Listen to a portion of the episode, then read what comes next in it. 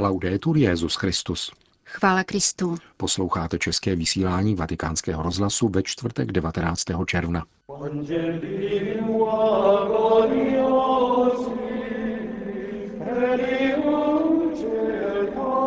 Žít zkušenost víry znamená nechat se živit pánem, řekl Petrův nástupce v dnešní homilii při slavení liturgie Božího těla.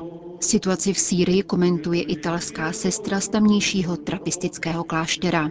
A nakonec uslyšíte druhou část rozhovoru s papežem Františkem pro katalánský list La Vanguardia.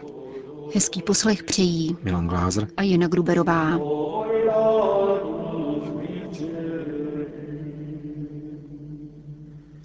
Zprávy vatikánského rozhlasu.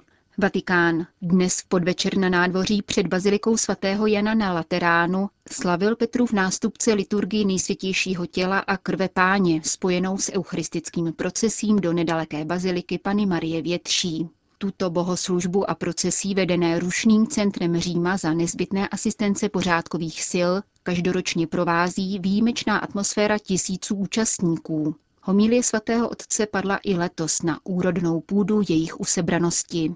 Přinášíme ji v plném znění. Hospodin tvůj Bůh tě nasytil manou, kterou si neznal. Tato Mojžíšova slova se vztahují k dějinám Izraele, jehož Bůh vyvedl z Egypta, z domu otroctví a po 40 let vedl pouští do zaslíbené země. Když se v této zemi vyvolený lid usadil, dosáhnul jisté autonomie a určitého blahobytu, byl vystaven riziku zapomenutí na smutnou minulost překonanou božím zásahem a jeho nekonečnou dobrotou. Proto písmo nabádá, aby si připomínal celou tuto cestu pouští za hladu a útrap. Mojžíš vybízí k návratu k podstatnému, ke zkušenosti naprosté závislosti na Bohu, který měl jejich život ve svých rukou, aby člověk pochopil, že nežije pouze chlebem, ale že může žít vším, co vychází z hospodinových úst. Kromě fyzického hladu zakouší člověk jiný hlad, který nemůže být zasycen běžným pokrmem. Je to hlad po životě, po lásce a věčnosti. A znamení many, stejně jako celá zkušenost exodu, v sobě obsahovala také tuto dimenzi. Byl to předobraz pokrmu, který uspokojí tento vnitřní hlad, který v člověku je. Tento pokrm nám dává Ježíš, a dokonce on sám je živým chlebem, který dává život světu. Jeho tělo je skutečný pokrm pod způsobou chleba. Jeho krev je skutečný nápoj pod způsobou vína. Není to prostý pokrm pro nasycení našich těl, jako mana. Kristovo tělo je chlebem posledních časů. Je schopno dávat život, věčný život, protože podstatou tohoto chleba je láska. Eucharistie komunikuje pánovu lásku k nám, pokračoval svatý otec. Je to láska tak obrovská, že nás živí sama sebou, obdarovávající láska, která je pokaždé k dispozici hladovějícímu člověku, jenž potřebuje obnovit svoje síly. Žít zkušenost víry znamená nechat se živit pánem a stavět svůj život nikoli na materiálních dobrech, nýbrž na nepomíjivých skutečnostech, darech božích, jeho slovu a jeho těle. Podíváme-li se kolem sebe, zjistíme, že se nabízejí mnohé pokrmy, které nepřicházejí od pána a které zdánlivě zasytí více.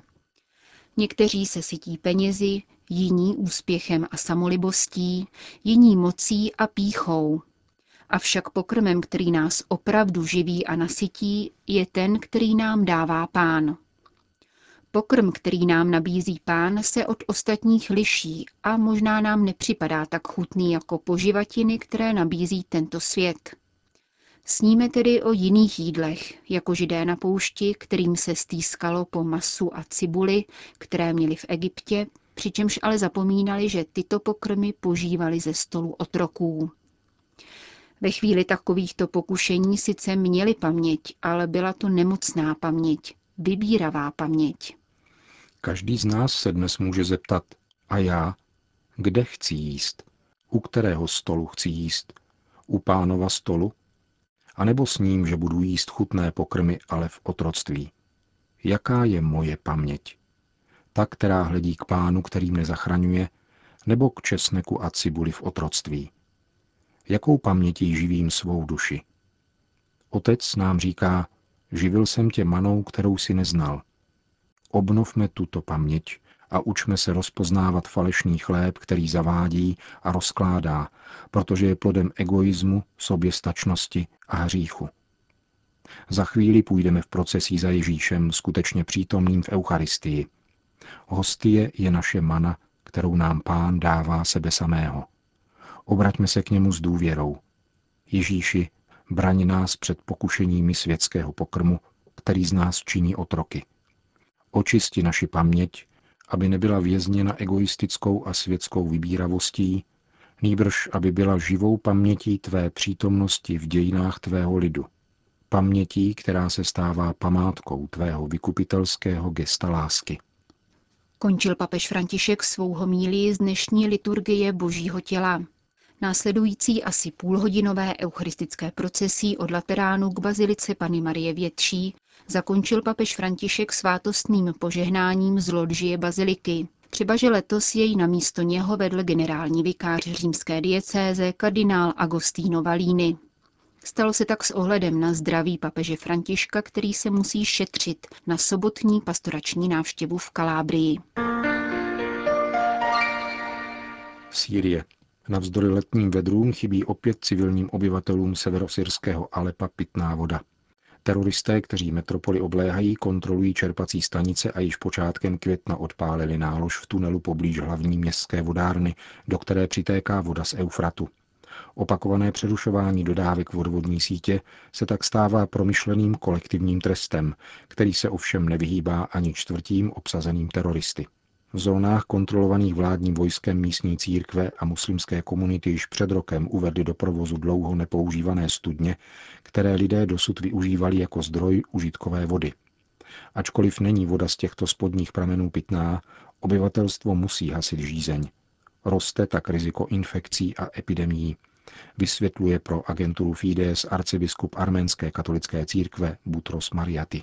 V minulých dnech arcibiskup Marajaty spolu s biskupem pravoslavné církve navštívili městskou čtvrť Al-Majdan, obývanou zejména Armény a vystavenou masivnímu ostřelování teroristických skupin. Školy a domy jsou zničené, lidé se ukrývají v kostelech, na které však také dopadají granáty. Všichni zápasí o každodenní přežití. A navíc je zneklidňují zprávy z Iráku.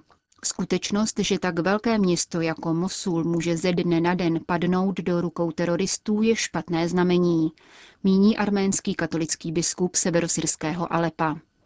Právě na Irák se nyní upíná pozornost světových médií, zatímco na více než tříleté utrpení syrského obyvatelstva se začíná zapomínat. Situaci pro vatikánský rozhlas komentuje italská trapistka z kláštera v syrském Adzeir na hranicích s Libanonem. Myslím, že skutečně hrozí zapomenutí, ačkoliv mnoho lidí nadále velkoryse pomáhá. Stav je setrvalý.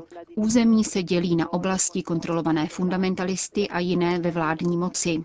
Stále pokračují dodávky zbraní. Je tu riziko vleklého konfliktu, na který si všichni zvyknou. Myslím, že jedinou reakcí je činnost. Nikoli v rámci kliše a stereotypů. Tím se situace jen zhorší. Je nutné mít celou věc na srdci, snažit se pochopit, co je ve hře, i když je to složité.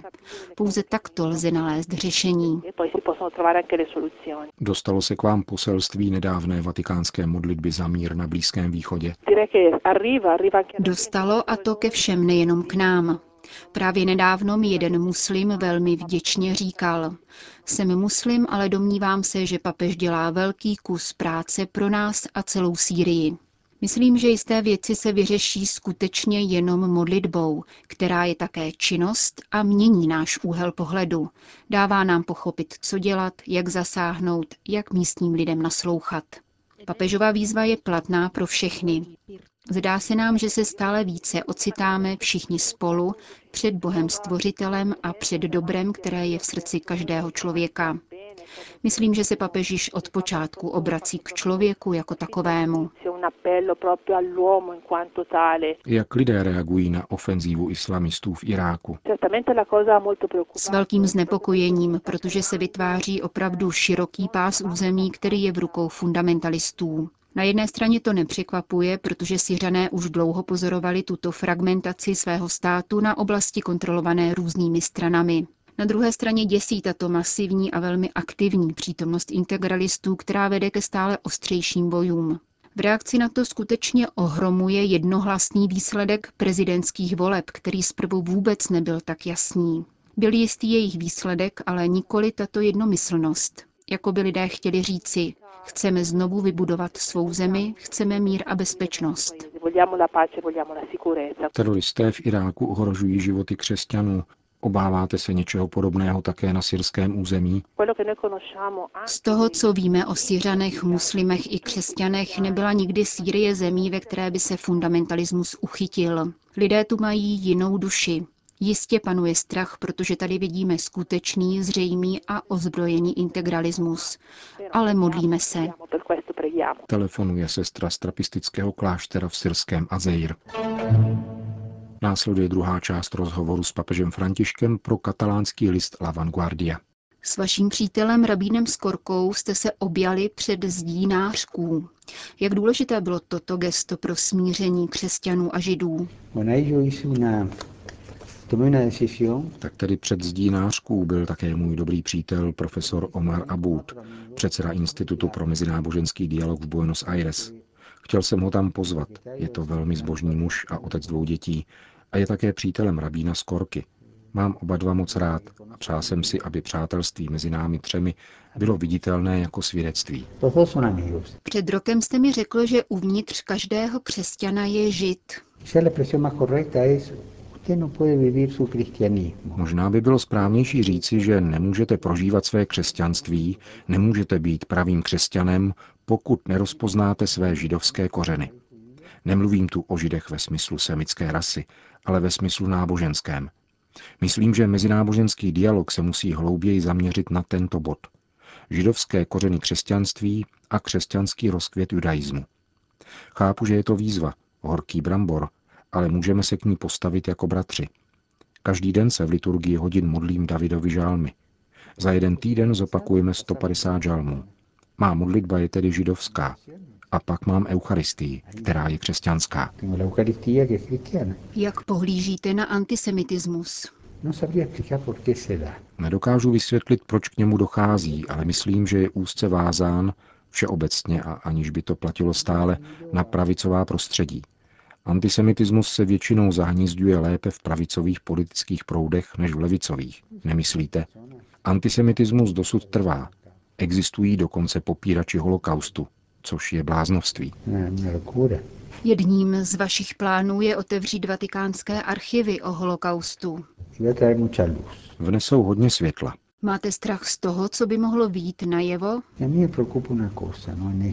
V tomto ohledu mám spíše strach o Pie 12. papeže, který církev vedl za druhé světové války. Na ubohého Pie 12. se už naházelo tolik špíny. Je nutné připomenout, že zprvu se na něj pohlíželo jako na velkého zastánce židů. Mnoho jich ukryl v klášterech Říma i jiných italských měst a ve své letní rezidenci v Castel Gandolfo. Tam se v papežově ložnici narodilo 42 dětí, potomků židů a dalších uprchlíků, kteří se tam ukryli.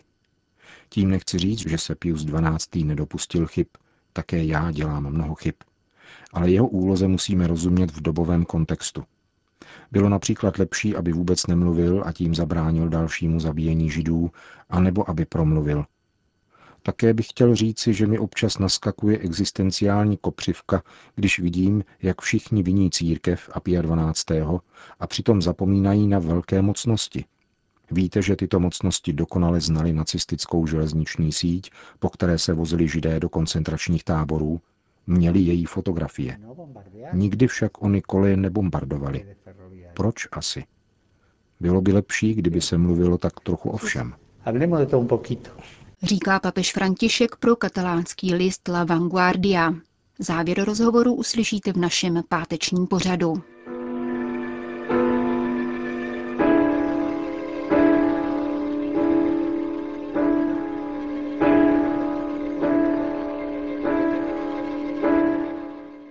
Končíme české vysílání vatikánského rozhlasu. Chvála Kristu. Laudetur Jezus Christus.